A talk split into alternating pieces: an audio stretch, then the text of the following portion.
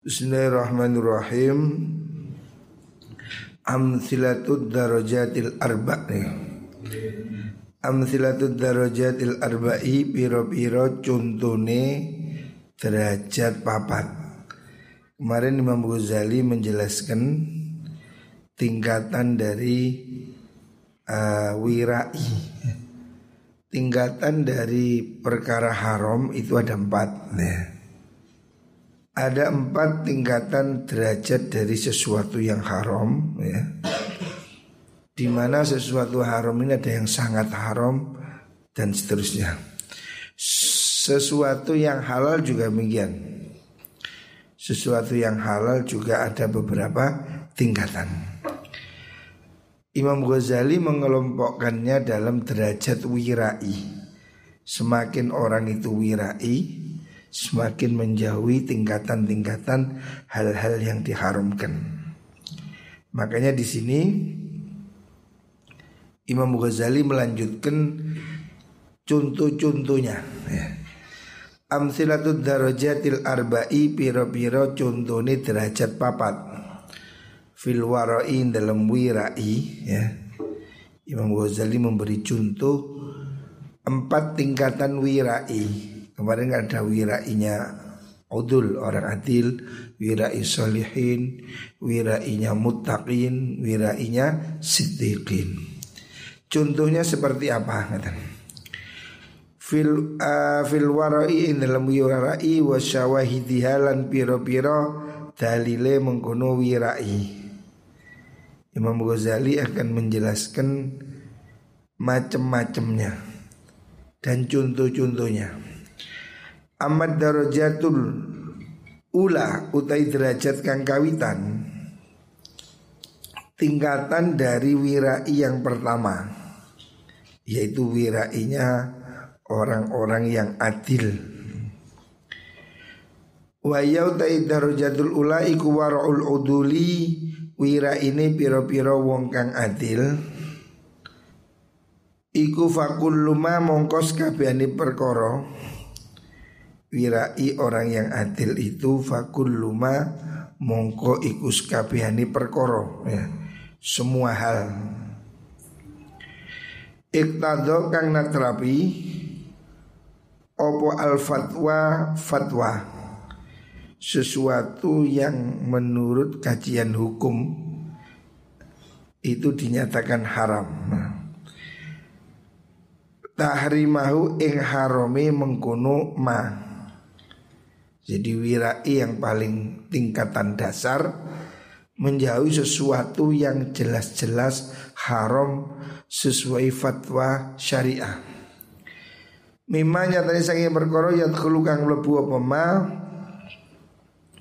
fil madakhili ing dalam piro-piro nggon mlebu asit tati kang enam alati dzakarna kang wis nutur ingsun yang sudah saya sebutkan maksudnya. Fi beliau. Beliau fi madakhilil haram. Ing dalam pira-pira nggon mlebune perkara haram.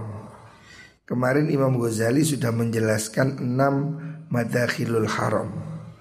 Jadi haram itu bisa jadi dari segi ini, segi ini kan kemarin disebutkan. Dari karena caranya, bendanya dan seterusnya. Lifak di syartin Krono ilangi syarat siji minas syurut isangi biru-biru syarat. Fahuwa utai mengkuno mengkuno Maktadul fatwa Iku al haramu perkara haram al mutlaku kang mutlak. Alladhi yunsabu kang den bangsa akan sopo muktahimuhu Wong kang lakoni mengkuno mengkuno Ma Maktadul fatwa niku ilal fiski maring penggawean fasik wal maksiati lan maksiat. Jadi orang yang melakukan sesuatu haram jelas makan bangkai, makan babi, minum homer ya. Ada sesuatu yang halal haramnya itu sudah jelas. Nah ini tingkatan yang pertama wajib dihindari. Sebab orang yang melakukan itu berarti hukumnya fasik. Berarti hukumnya tidak adalah. Wa wa ta mengkono ma iku alladzi perkara nuri tukang ngarepaken ingsun ngarepaken ingsun hu ing ma ngarepaken bil harami kelawan arang haram al mutlaki kang mutlak. Sesuatu yang disebut haram mutlak. Nah. Fala yuhtaju mongko ora den butuhaken opo ila amsilatin maring piro-piro contoh tidak perlu contoh sudah jelas. Wasyawahidalan ora butuh maring piro-piro dalil. Syahid, saksi, dalil. Jadi sesuatu yang memang sudah tampak nyata ya. Sesuatu yang najis sesuatu yang nasnya memang haram, sesuatu yang didapat dengan cara yang tidak halal. Ada perkara-perkara yang memang sudah tampak itu halal. Lah ini menjauhi hal yang seperti itu termasuk tingkatan pertama dalam wirai. Artinya orang itu hati-hati tingkatan pertama menjauhi barang yang sudah jelas haram dan itu sudah masyur semua orang tahu bangkai haram, babi haram dan seterusnya. Ini derajat yang tingkatan pertama harus dijauhi dalam rangka menjauhi perkara yang haram. Makanya ini menurut Imam Ghazali disebut dengan waraul udul, kehati-hatian orang yang adil. Siapa orang tidak melakukan itu berarti dia tidak adil, berarti dia termasuk fasik. Amat darajatu anak putih derajat asalnya tukang nomor pindu. Tingkatan dari wirai yang kedua. Iku fa amsilat wa utai piro piro nih mengkono asaniyah niku. Iku kullu subhatin saben-saben perkara subhat La tujibu kang Orang netepaken opo subhat Istinabah ingetoni mengkono subhat Walakin yustahabu tapi den sunaken opo ijtinabuha ngedoi mengkono mengkono syubhat. Kama ke perkara saya kang bakal teko poma fi babi syahadati dalam bab syahadah. Idmina syubhati karena iku setengah sangking perkara syubhat mau te perkara yajib kang wajib opo ijtinabuha ngedoi mengkono syubhat. Fatal hakum moko tetemu apa mengkono syubhat bil harami kelawan perkoro haram. Tingkatan kedua yang harus dijauhi itu subhat. Subhat yang tingkatannya ini belum sampai haram ya. Jadi subhat itu ada yang sudah subhat maksimal ya, subhat tingkat tinggi sehingga sudah dekat kepada haram. Ada juga subhat itu yang masih rendah sehingga itu termasuk makruh. Nanti Kama ke perkara sehat ikang bakal teko poma fi kitab syubhat ing dalam kitab syubhat. Ini minas syubhati iku setengah sengge syubhat mau te perkara yajib kang wajib apa istimewa buang ngerti syubhat. Fatal haku mongko tetemu apa syubhat bil haram iklan hukum haram.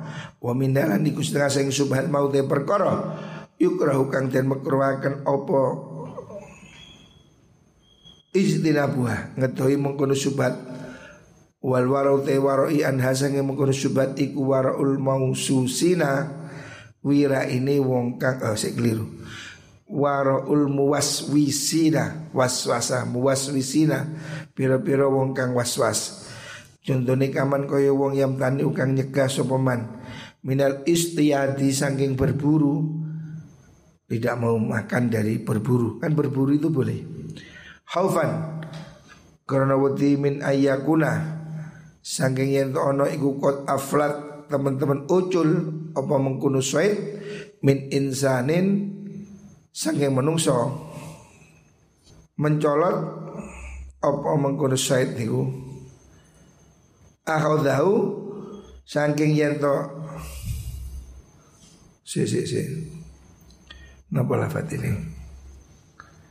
Gak bodoh ini Haufan meyakusid kot afdisanin Nah.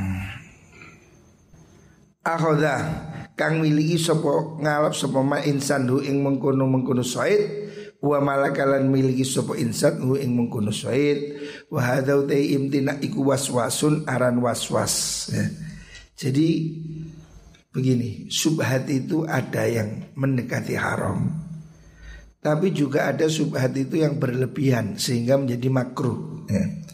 Artinya menjauhi yang seperti itu malah makruh subhat yang sangat subhat mendekati haram harus dijauhi tapi ada syubhat menurut Imam Ghazali itu tingkatannya was-was. Seperti orang tidak mau berburu hewan di hutan. Takut kalau hewan itu milik orang. Lah itu kan indikasinya nggak jelas. Wong sudah ada di hutan milik orang orang mana? Nah, hati-hati yang berlebihan seperti ini tidak bagus ya. Ini namanya was-was. Ya.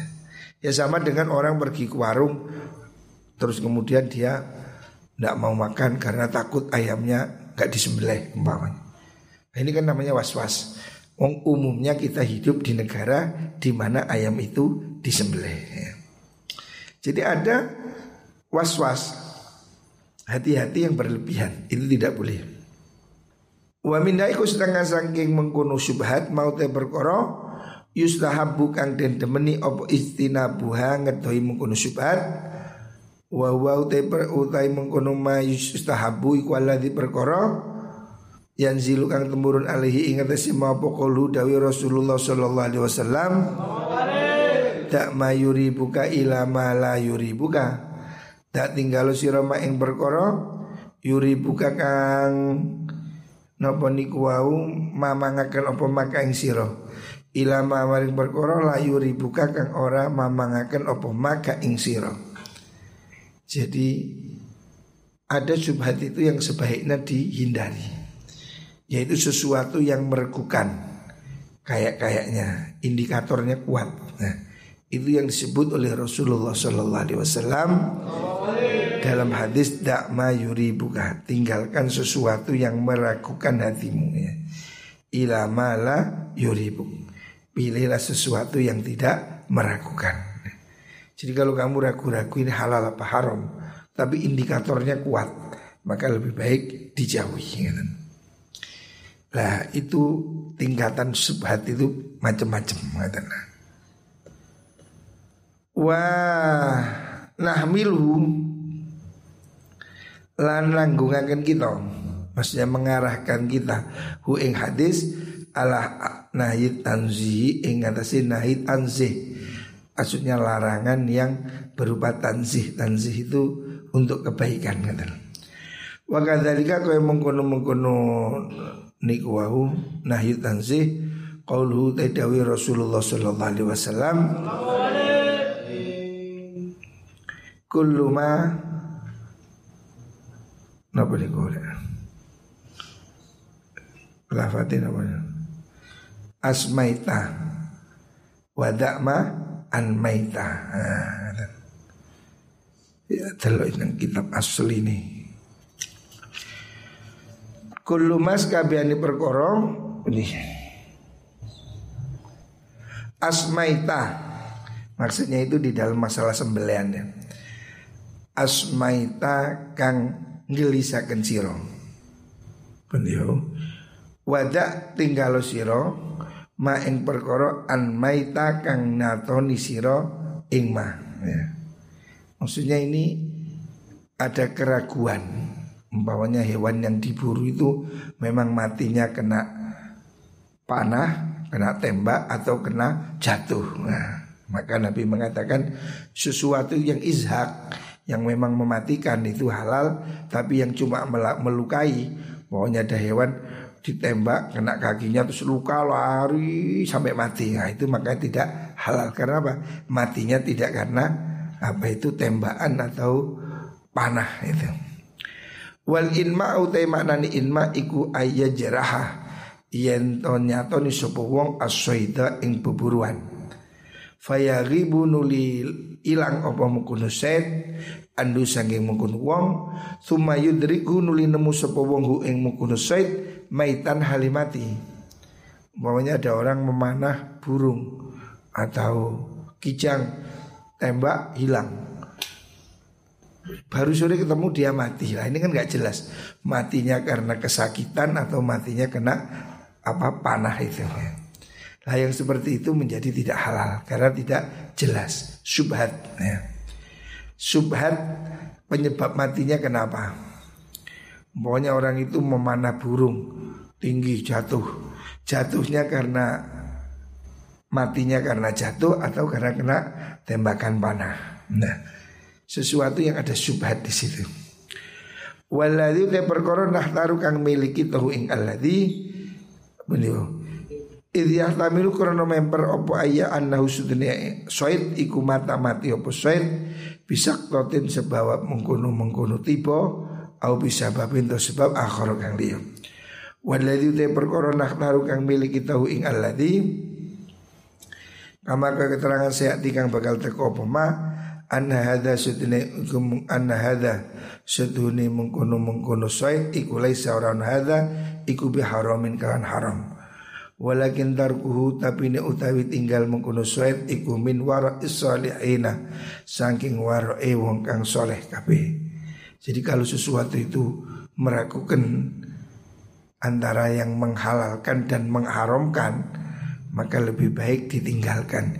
Itu termasuk wara'us salihin. Terus mengenal Ulir Ulir Wa qawluhu Ulir Dak ma yuribuka Wa qawlu tedawi nabi urmani dak ma yuribuka Iku Hidup iki ono telepon penting.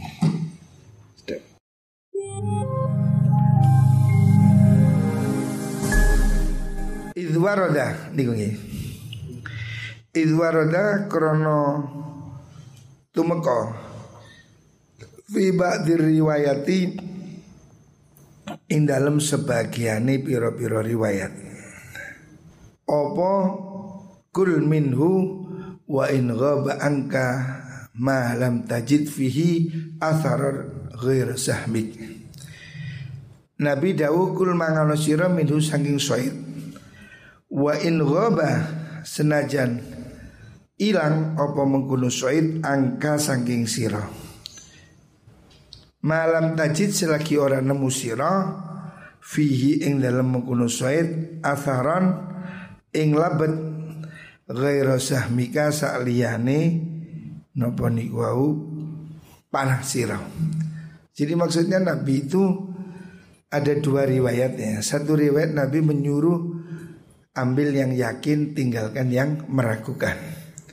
Tetapi dalam satu hadis yang lain Nabi mengatakan hewan yang kamu buru itu mau sudah kamu panah hilang itu kalau ketemu boleh dimakan selama tidak ada tanda-tanda bahwa dia itu terkena benda lain. Bawahnya matinya karena jatuh kecemplung jurang atau ketabrak apa gitu. Jadi meskipun itu dia kan ragu-ragu matinya karena apa? Karena tidak tahu Habis ditembak hilang Nanti baru ketemu. Matinya karena apa? Nah, ini kan subhat ya. Nabi mengatakan itu boleh Selama tidak ada tanda bahwa dia mati karena benda yang lain. Walidhalika karena mengkuno mengkuno niku wau nopo hadis niku. Kala dawu sapa Rasulullah sallallahu alaihi wasallam. Li Adi bin Hatim maring Imam Adi bin Hatim fil kalbi ing dalam urusane asu al muallami kang den bulang yang terlatih ya. wa in akala Nabi Dawu wa in akala lan lamun mangan opo mengkuno mengkuno niku wau uh, kalbun anjing itu kalau kamu lepas dia ndak ikut makan, berarti itu anjing pintar. Maka hasil buruannya itu boleh dimakan. Jadi istilahnya kalau orang sini geladak anjing pemburu itu ya, buruannya anjing itu boleh dimakan. Asal anjing itu betul-betul anjing pemburu yang terlatih. Indikasinya apa? Anjing terlatih itu kalau dilepas itu maunya menerkam kijang itu dibawa utuh tidak dipangan kupingi terus kalong sikile korupsi kok mulai nah, kalau masih anjing korupsi ini tidak sah. Ini berarti anjing bodoh. Nah, jadi kalau anjing kok menyergap apa itu kelinci terus sikile hilang situ nah berarti ini anjingnya korupsi ya. maka kelinci itu tidak halal. Berarti anjingnya anjing bodoh. Tapi kalau anjing yang terlatih itu dia menerkam kijang ya digowo wungkul dibawa ke juragannya utuh gak kalong kuping, gak kalong sikil. Lah ini anjing yang namanya terlatih. Itu boleh buruannya itu halal. Ya. Anjing itu boleh jadi pemburu dan itu halal. Selama anjing itu pinter. Nah, indikasinya kalau anjing itu tidak mau makan hewan buruannya, berarti itu anjing pintar. Tapi kalau dia itu masih korupsi, mangan didi, nilii, Ha, wa in akala lamun mangan sopo kalbun fala takulu jo mangan siro. Kalau anjing itu masih makan separuh kamu diberi separuh, ha, berarti itu anjing koruptor. Jangan dimakan. Itu anjing ha, tidak sah jadi pemburu. Fa ini sudah ingsun iku akhofu Wedi ingsun an yakuna yen ono Sopo mengkono kalbun Iku innama amsaka angin ini ngeker mesti ngingai apa mengkono kalbun. Ala nafsihi ing atase awak dhewe ini mengkono kalep. Kalau anjing kamu lepas berburu kok pulang bawa kambing separuh nah ini harus dicurigai. Jangan-jangan memang tadi nggak habis keluarkan. Nah, kamu diberi sisanya. Nah, kalau begini tidak halal. Nah, ini kambing yang belum terlatih Wan nahyu tanyaka iku ala sabilit tanzihi ing dalan uh, bersihakan maksudnya lebih bagus makruh tanzih itu tidak haram tapi itu yang terbaik.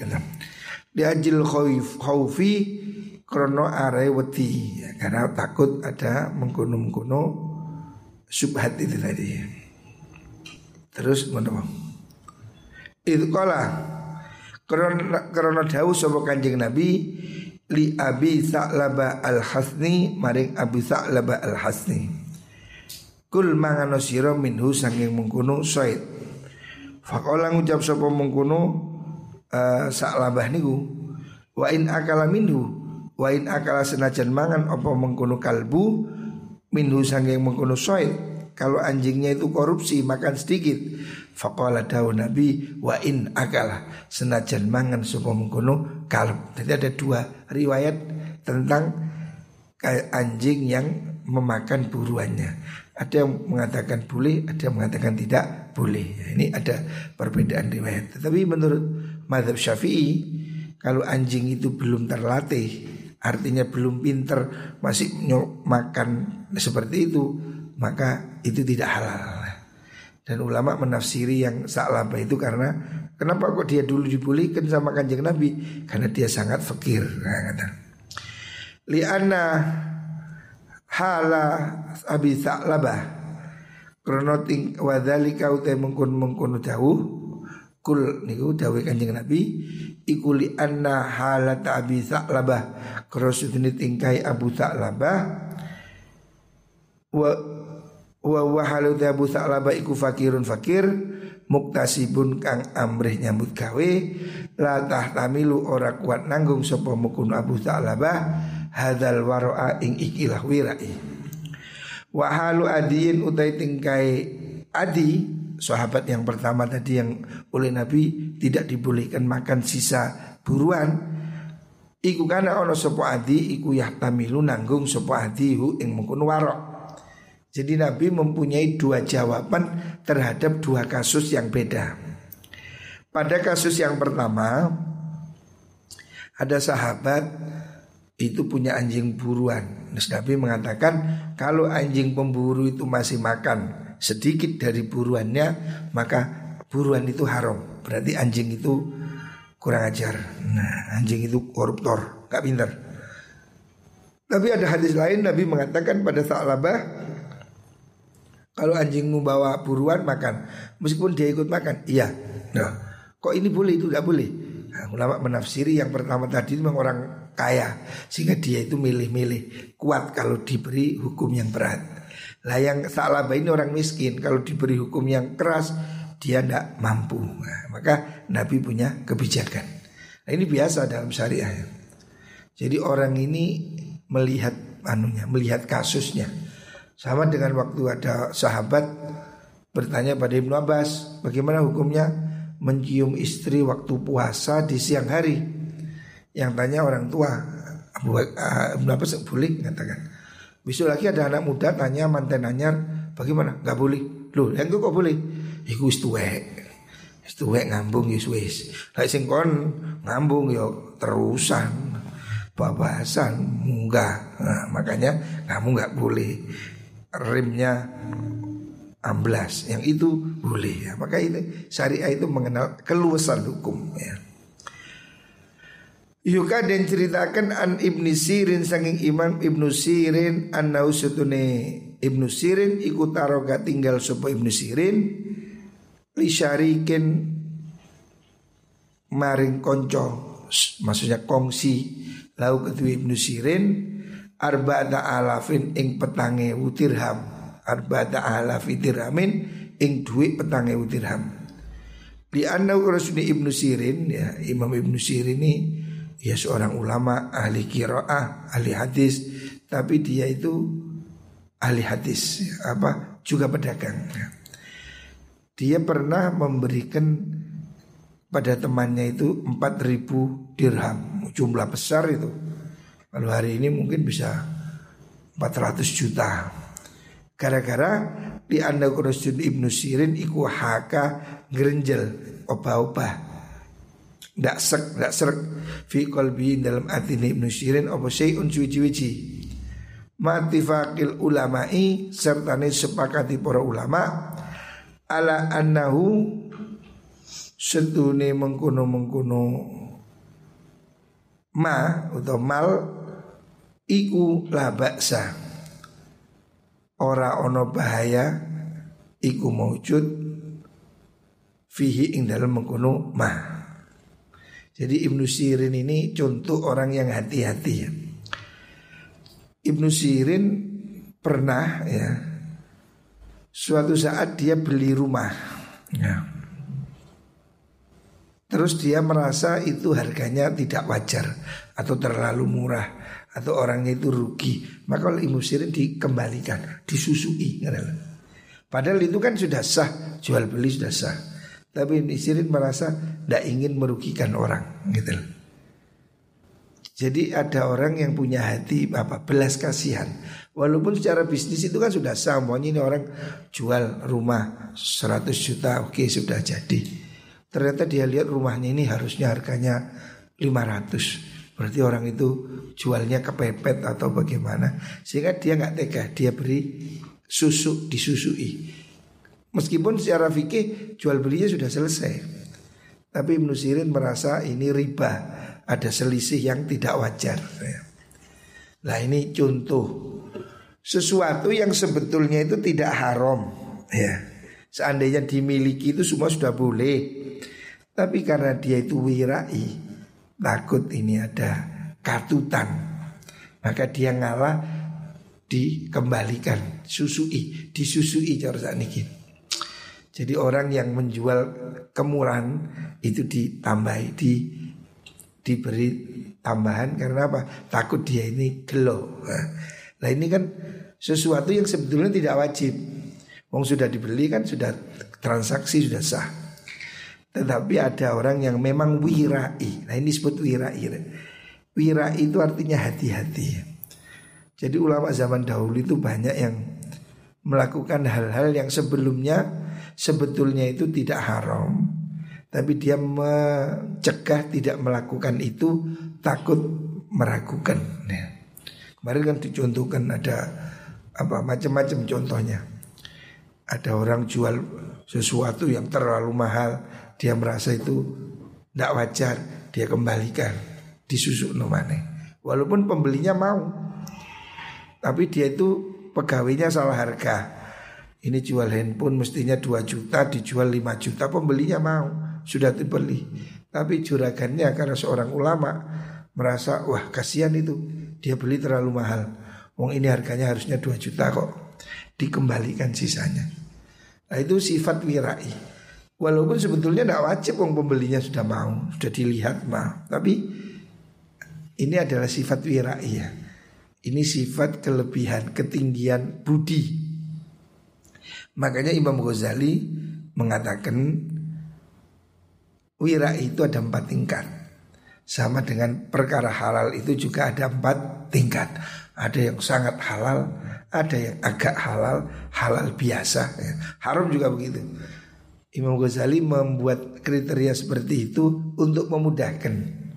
Karena menurut Imam Ghazali kedokteran juga mengenal begitu. Kanker stadium 1, stadium 2, stadium 3, stadium 4 nah, Maka Imam Ghazali ingin mengajarkan kita supaya hati-hati. Wira itu ada empat tingkat.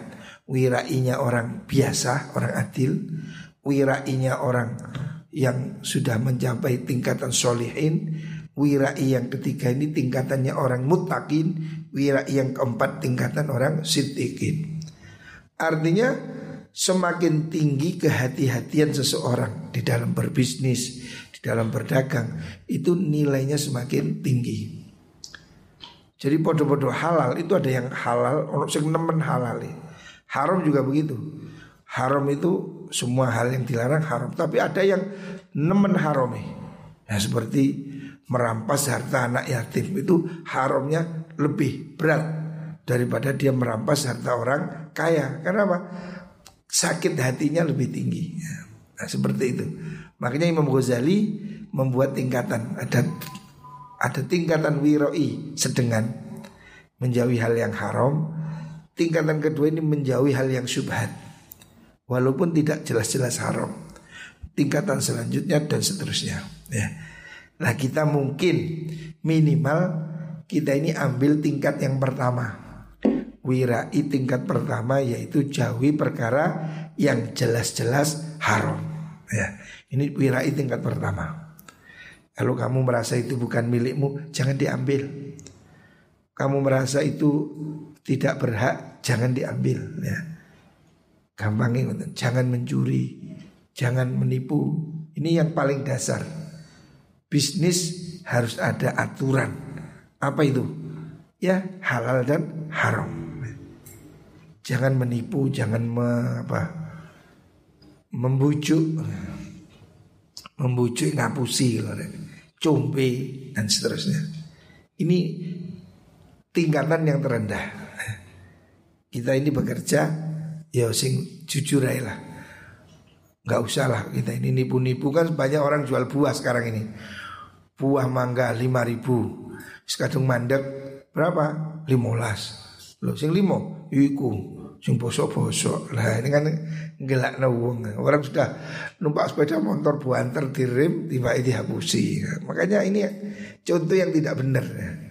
Ya kalau kamu mau jual sepuluh ribu ya jual aja sepuluh ribu ya. Jadi dagang itu tidak harus menipu kalau kamu dagang itu jujur, berkah. Dimakan juga enak. Orang lain juga seneng kamu punya langganan. Ya. Tapi sekali kamu itu nyakiti, orang gak akan kembali. Maka di dodolan itu hati-hati Ren. Delokon kualitas dodolanmu itu Wingi tak delok iku, sapa iku novel. Deloken barang wis gak enak aja ditol. Ojo terus kon eman cikne dimangan. Lo lale wong tuku kepeksa besok tidak akan kembali. Jadi kamu harus jaga kualitas. Dodol sing api. Ukurane nang awakmu dhewe. Kon lek tuku ngono gelem apa ora? Jangan kamu jual sesuatu yang kalau kamu disuruh beli tidak mau beli. Ini paling dasar. Baru menjauhi subhat dan seterusnya. Eh. Ya muka-muka kabeh diparingi rizki sing berkah. Kita ini niat ngaji ilmu ini supaya kita ini diberikan pekerjaan yang betul-betul halal. Muka-muka ditambahi rizki oleh Allah Subhanahu wa taala.